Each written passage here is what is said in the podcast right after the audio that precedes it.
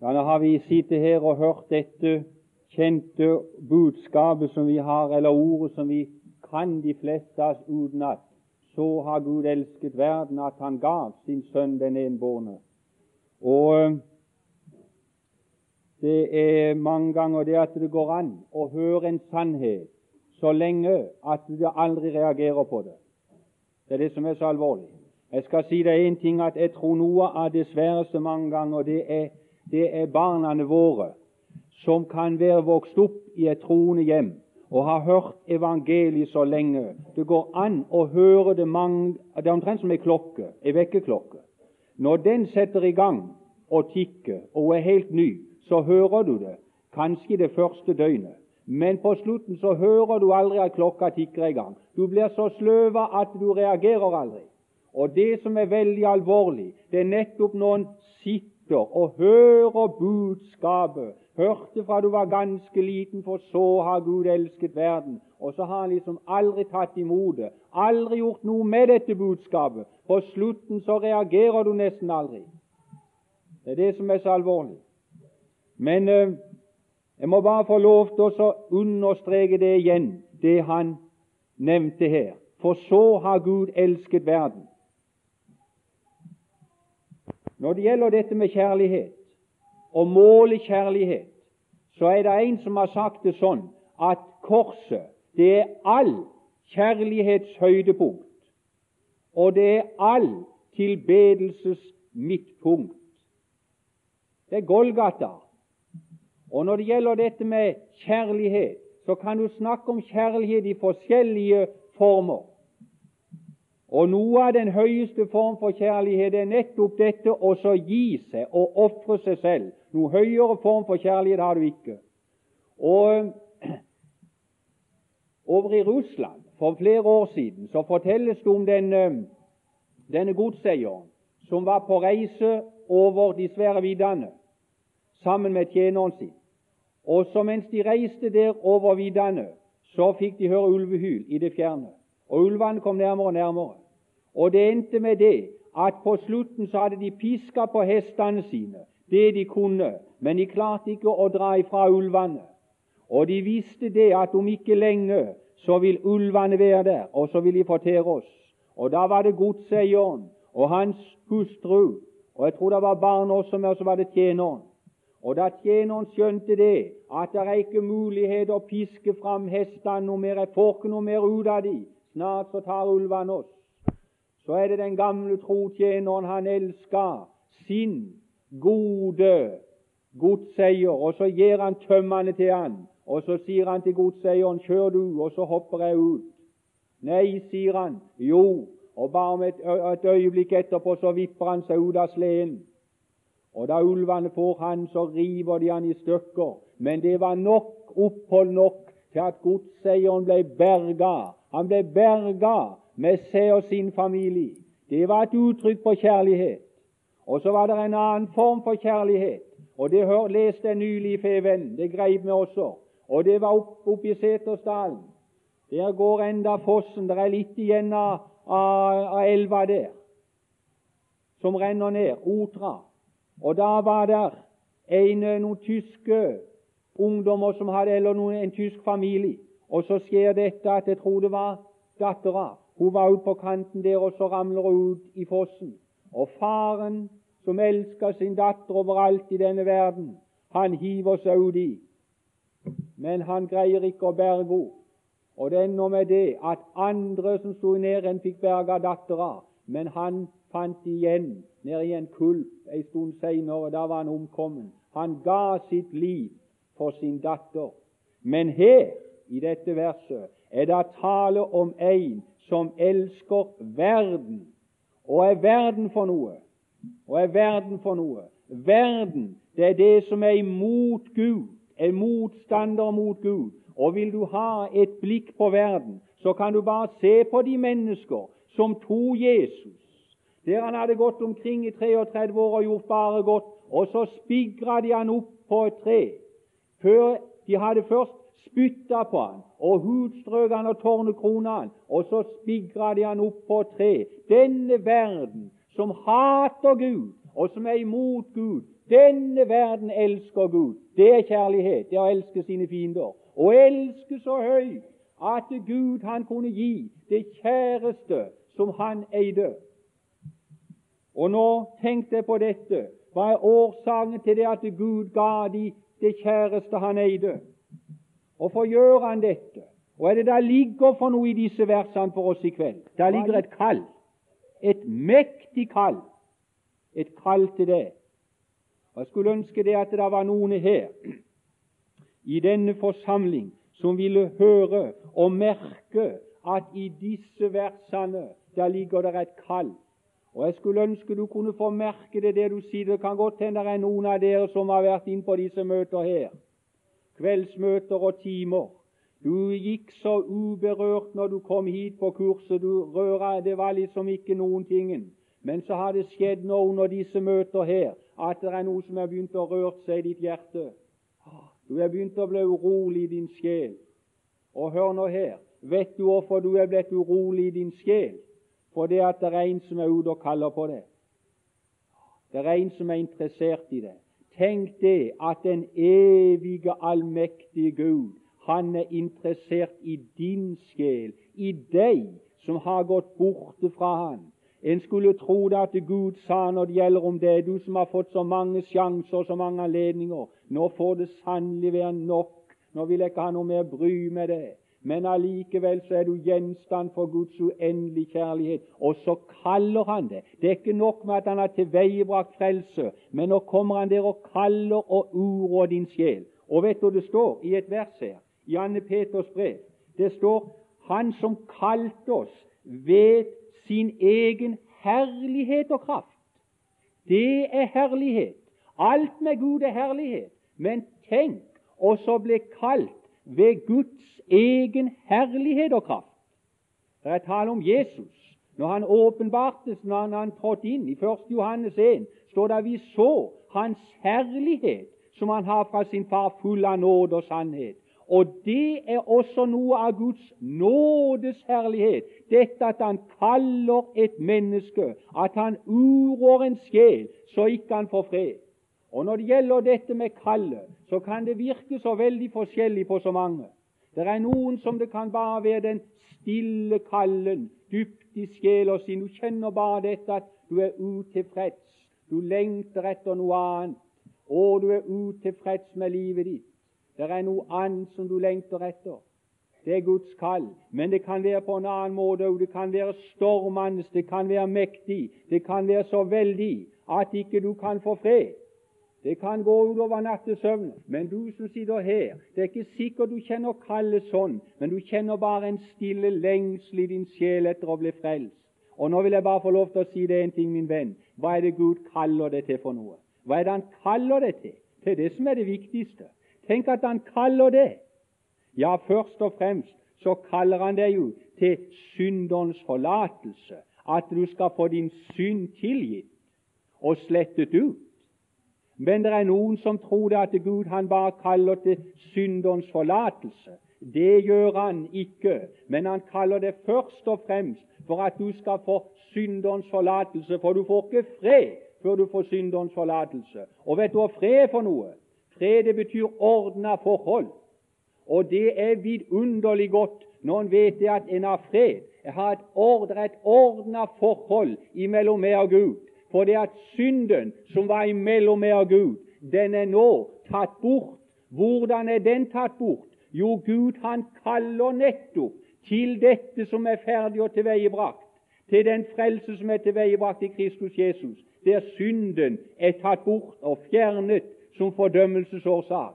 Og det er vidunderlig godt å vite når Gud får kalt det til synderens forlatelse, til et, og du får et oppgjør med Gud og vet med deg sjøl at på land og hav min sak er klar, hvor Jesus er. Jeg himmelen har. Det er vidunderlig, det.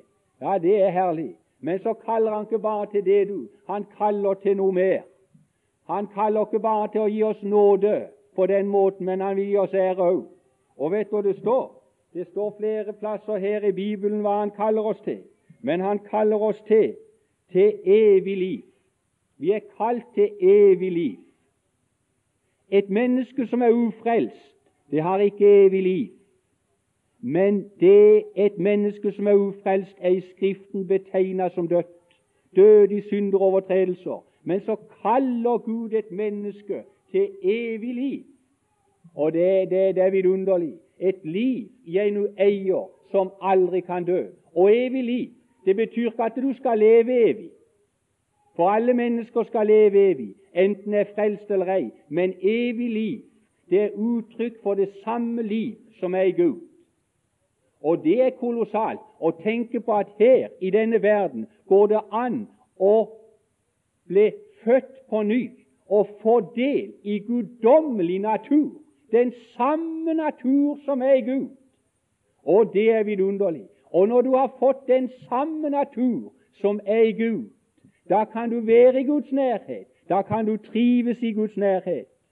Og Det er derfor det er så forunderlig med når vennene sang her, så kjenner du det at vi som har e- fått evig liv, vi kan trives i sammen allerede her. Vi kan trives sammen her, for det er det samme liv. Vi har samfunn med hverandre. Og du kjenner med en gang kontakten. Og eh, jeg tror jeg har fortalt det før her, men det kom så for meg tenkte på det når jeg var inn i, eh, på Østlandet, inn i militæret, og skulle hjem på permisjon. Så hadde, så hadde lomma full av traktater. Det var den tida han kunne dele ut traktater på toget uten å bli stoppa. For det kan du ikke nå. For hvis du kommer nå og skal dele ut traktater, så er han der med en gang konduktøren, og så var ikke lov til dette her. Jeg har blitt tatt flere ganger. Men iallfall så delte jeg ut traktater da.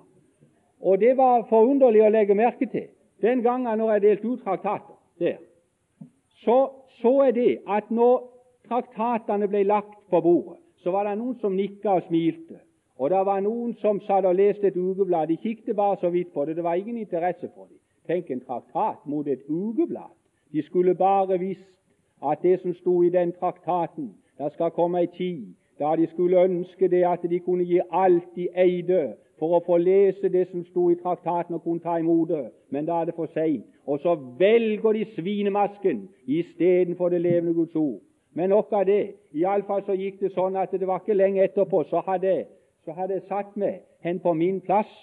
Og det var så merkelig å legge merke til da, for så var det ikke så lenge etterpå, ser du, så skjedde det noe. Og det som skjedde, var det at det kom hen en mann. Og så ga han seg til å kikke ut av vinduet. Og så tenkte jeg her har du en av familien. En av familien, en av de som er født på ny. han seg til å kikke ut av min Jeg sier ingenting, tenkte jeg. Han får si noe, han. Og så var det ikke lenge etterpå så sa han det er fint vær i dag, sa han. Ja, det er fint vær i dag. Ja, sa jeg, da er det fint vær. Ja, sa han, du må ha inderlig takk for traktaten. Det, det var så godt for, for, meg med den traktaten. Og så var det ikke lenge etterpå, så kom det ei ei kone som satt nede i den andre enden av kupeen. Så kom hun hen, og så kom det enda en til. Og så satt vi da der på toget inn til Oslo.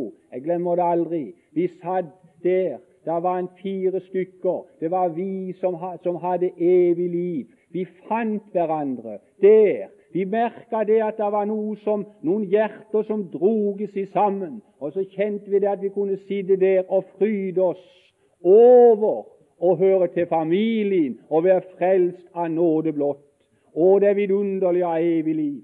Og det er vidunderlig også det når vi er sammen her, venner, når vi får merke det at vi smelter sammen i en ånd, og vi kan kjenne det at å, det er brødre og søstre, vi er på vei til staden. Og så er det så vidunderlig godt å tenke på det et liv jeg nå eier som aldri kan dø.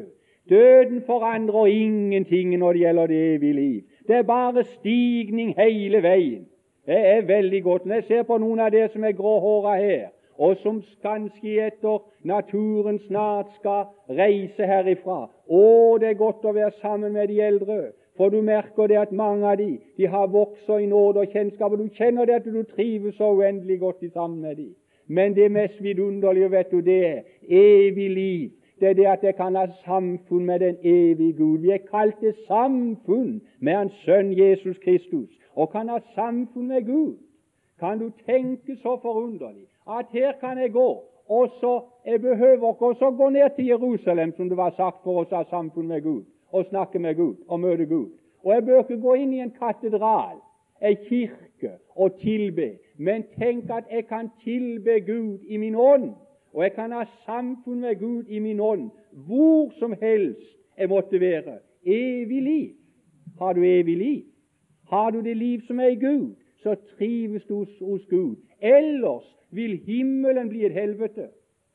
Han sa det den svenske mannen som kom og skulle inn til den svenske kongen han hadde fått audiens.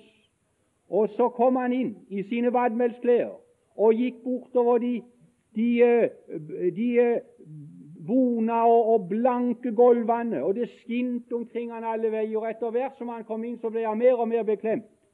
Og når bonden enda kom nærmere inn og kom inn i tronsalen der kongen var, så var han så beklemt. Og når kongen sier vennlig til han, 'Hva ønsker ni?' Så sa han det at, at, jeg, at jeg måtte slippe ut fra denne stad, sa han.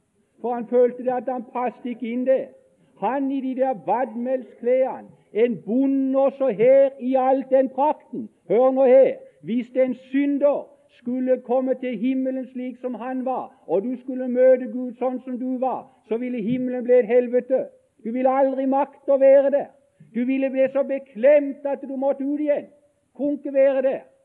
Nei, det er en plass som passer for synderen, og er det henne? Det er sammen med de andre syndere i evighet, borte fra Gud. Men det er en plass som passer for de som er født av Gud. De passer sammen med Gud. De er gjort skikket for himmelen. Å, halleluja, det er vidunderlig å vite det, at vi er gjort skikket for himmelen. Vi er født på ny, barn av Gud, den evige Fader. Og så er det ikke bare dette at Han har kalt oss til, sam, til, til samfunn og til evig liv, men vi er kalt til Hans rike, til Hans herlighet. Å, venner, tenk på det at her får vi lov til oss å være sammen. Og her skal jeg for min del vite det at han Bernt Streidu Tenk at han ikke bare er kalt til å få evig liv, men han er kalt til en evig herlighet sammen med Gud. Å, det er vidunderlig å vite det. Å, det er vidunderlig å vite det. Og det er vidunderlig å vite det når du får oppleve det at det er noen av dine kjære som reiser ut av tiden. Og så vet du det, når de er frelst, så reiser de hjem til Jesus. Jeg reiser hjem til Jesus, synger vi og sangen. Vi vandrer hjem bestandig. Og det er så velsigna godt å være på hjemvei. Det er velsigna godt å være på hjemvei. Jeg tenkte på det her under, under krigen. Jeg var ikke mer enn tolv år gammel. Og så skulle jeg være sammen med min bestefar. Han bodde ute i Randesund. Jeg skulle få være med han hjem. Og det står for meg. Og så var det så veldig kaldt det året. Jeg tror det var i 43. Isen den lå tykk, og der var frøsen helt ut til, til, til Okse. Og så skulle vi gå om, om, kvelden helt ut til Randesund. Og jeg var ikke så gammel karen da, og jeg ble trøyt. Og så blåste det, og så var det kaldt. Så dro bestefar med et stykke på på sleden der når vi gikk over isen. Dro han med, og så frøs jeg, så sa han nå, nå, nå, må du gå og springe litt. Og når vi hadde gått et stykke, så sier han nå er det ikke lenge, sa han, så er vi hjemme, sa han. Når vi kommer rundt i neset der, så kan du se det lyser hjemme. Så ser du det lyser hjemme. Og så var jeg så spent, så var det ikke lenge, så kom vi rundt neset. Og så så jeg det at så lyste det hjemme. Så lyste det hjemme, og så var det ikke lenge etterpå, så dro, dro vi kjelken i land. Og så gikk vi opp stien, og så gikk vi inn til bestemor, og så var det varme og lys og mat og ei god seng som venta. Å, vi var hjemme. Og Jeg har så lyst til å si det til dere venner, vi er kalt til en evig herlighet. Om du merker det blåser litt her i denne verden, om du merker det er kaldt og det er et drag, så er det sånn her på kurs også at det er som du får se lysene av hjemlandet. Du får se lysene der hjemme. Det er bare en liten stund, så er vi hjemme og står for tronen. Hva gjør det da om solen har oss brent? Men så vil vi så gjerne ha med de andre våre som ikke er frelst. For det er noen som ikke vandrer til det hjemmet, men de vandrer til en annen sted. Det står så alvorlig om Judas. Han gikk til sitt eget sted, står det. Han gikk til sitt eget sted.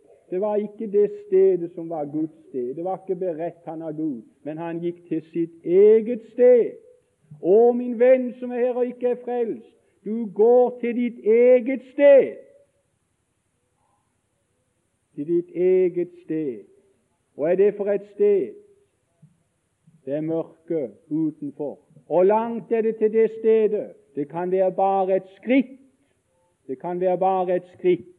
Du vet ikke når morgenen gryr, om du når, om du lever. Du har ingen papir på det, men du går til ditt eget sted. Men i dag deg tilbydes forsoning. Det er en som vinker, det er en som kaller, også i kveld. Merker du noe av kallet? Merker du noe av dette som uroer din sjel, så vil Han kalle det til det som er godt. Og det skulle bare mangle Tenk, det var en som sa det for en stund siden. Han spurte hvor lenge har du vært frelst, der, han. Sa ja, det har vært hele tida. Ja, da har du vært god, sa han. Da har du vært god. Tenk, vært god. Jeg har bare vært vond. Jeg har ikke vært god. Men det er en som har vært god, og det er den Herre Jesus. Han har vært god hele veien med meg. Han har holdt ut med meg, holdt meg fast inntil i dag, og han skal holde meg fast inntil jeg hjemme og stå på tronen. Han er god, og det er vidunderlig godt å være frelst. Det er så fredfullt, det er så trygt. Vil du ta imot Jesus i kveld? Vil du gi opp din motstand imot ham? Det blir hardt for deg å stampe imot brodden. La Han få nåde med den naglmerkte Han fra Golgata, og så få gi deg det som Han ønsker å gi deg, det er bare godt. Kapituler. Gi opp. La det bli din dag i kveld. Hvorfor gå med såret hjerte når hos Jesus fred du får? Amen. Nå synger du en sang.